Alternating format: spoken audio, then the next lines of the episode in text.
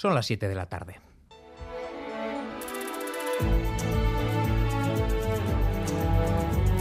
En Radio Euskadi, Gambara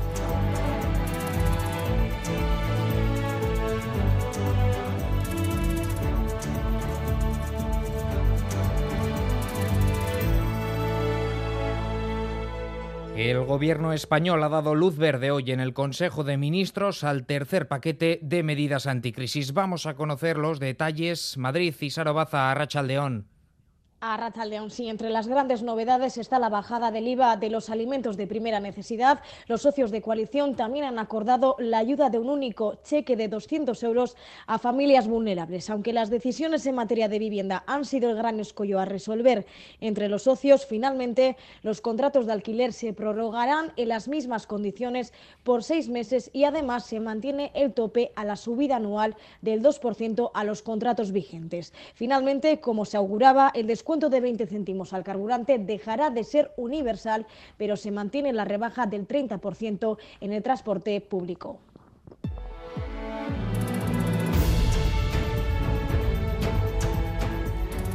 En la calle la ciudadanía mayoritariamente en contra del fin del descuento a los combustibles ven eso sí con buenos ojos que se prorroguen los descuentos en transportes públicos y que se apliquen medidas para rebajar el precio de la cesta de la compra.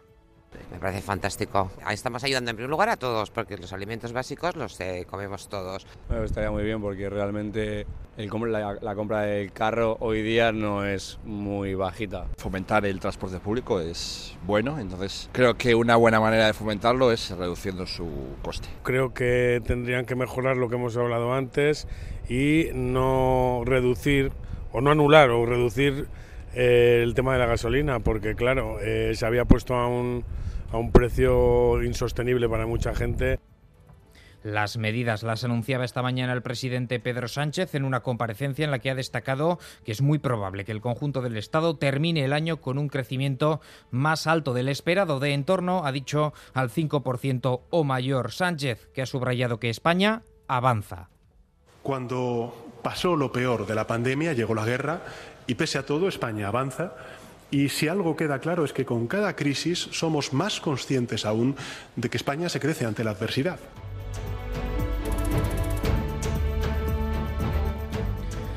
Y lo que avanza al fin es el bloqueo de la justicia española, al menos en lo que respecta al Tribunal Constitucional. El Consejo General del Poder Judicial ha acordado esta tarde por unanimidad designar como magistrados del Constitucional a César Tolosa y María Luisa Segoviano, los dos candidatos propuestos por el sector conservador. Eso sí, hay un matiz. Segoviano es de carácter progresista. El gobierno español valora muy positivamente este acuerdo y subraya que con la salida de los magistrados con el mandato caducado, el Constitucional quedará compuesto por siete magistrados de sensibilidad progresista y cuatro conservadores.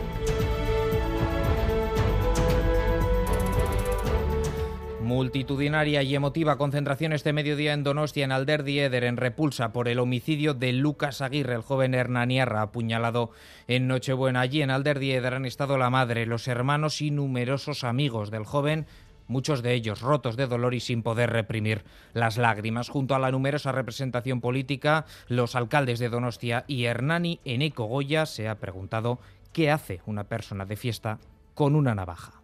En lo que va de año se han decomisado 330 armas blancas solo por parte de la Guardia Municipal. Es que me parece incomprensible el que eh, existan comportamientos como estos o el mero hecho eso de que una persona salga no sé, de fiesta o a lo que sea con un arma blanca. O sea, esto no es normal y es delito además. Los jóvenes destinan en Euskadi más de la mitad del sueldo a pagar su vivienda, ya sea en propiedad o en alquiler, si es en el mercado libre, muy por encima de los límites que se consideran sobreendeudamiento. Los vascos de hasta 34 años de edad tendrían que cobrar un 70% más para poder acceder con solvencia a una vivienda. Así lo recoge un informe que ha presentado hoy el gobierno vasco. En la calle hemos constatado lo que dicen esos datos. Es muy complicado emanciparse.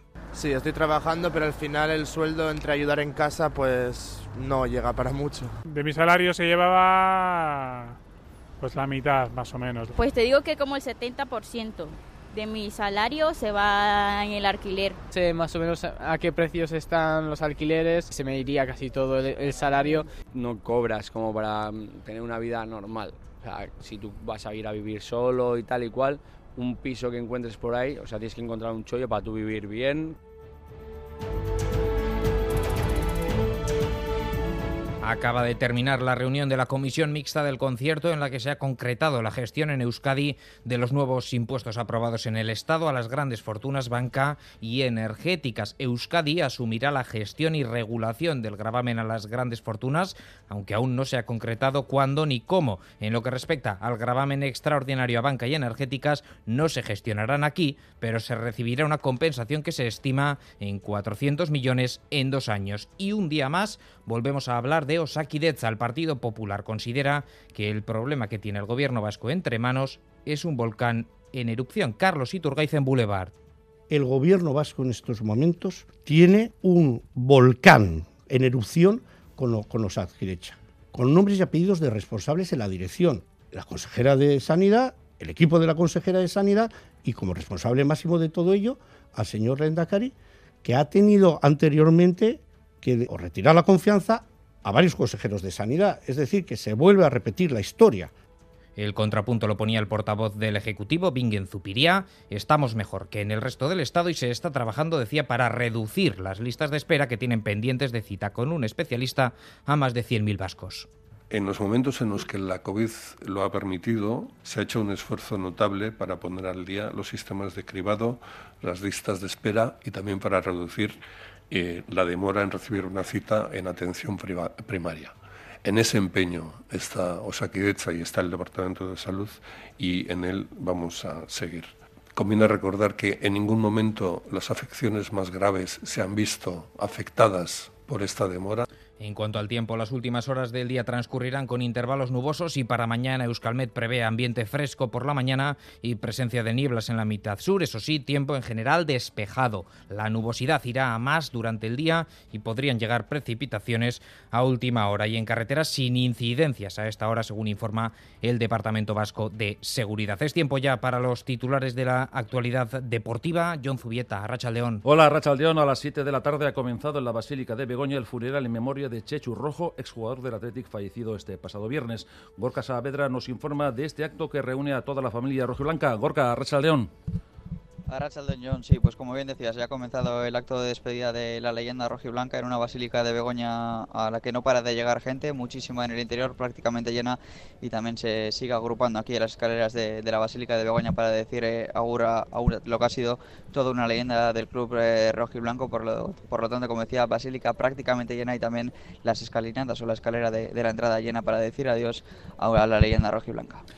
Y por otro lado, hace unos minutos que ha comenzado el encuentro que enfrenta a Breogán y Vascoña en pabellón lucense. Raúl Bando, Arrachaldeón, ¿cómo ha empezado? Arrachaldeón, yo buscando la décima victoria consecutiva del equipo Gastistarra por delante desde el principio en el marcador el equipo de Peñarroya. Estamos a 4.28 para que concluya el primer cuarto en el Pazo dos Deportes de Lugo. Breogán 9, Vasconia 14.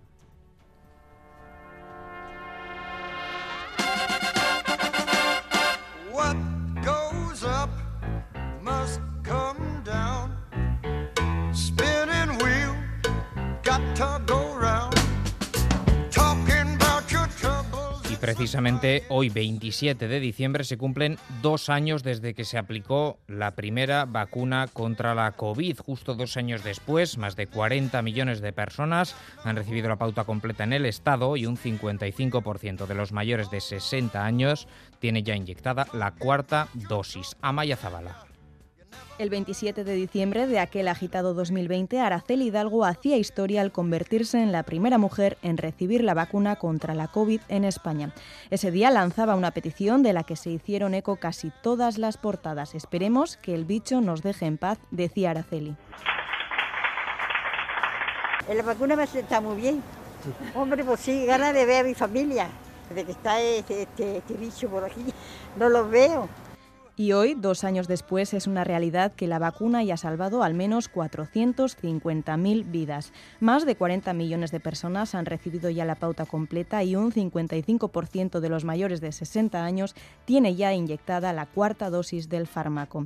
Sin embargo, preocupa y mucho el frenazo que ha dado en plenas Navidades la vacunación con las segundas dosis de refuerzo.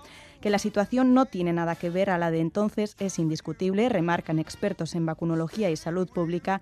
Basta comprobar cómo estas fiestas están siendo muy distintas a las de los dos años anteriores, marcadas por las restricciones. Y precisamente hoy recordaba la ministra de Sanidad, Carolina Darias, en un tuit que la vacunación sigue siendo nuestra principal arma frente al virus. Con Miguel Ortiz y Xavier López en la técnica comenzamos.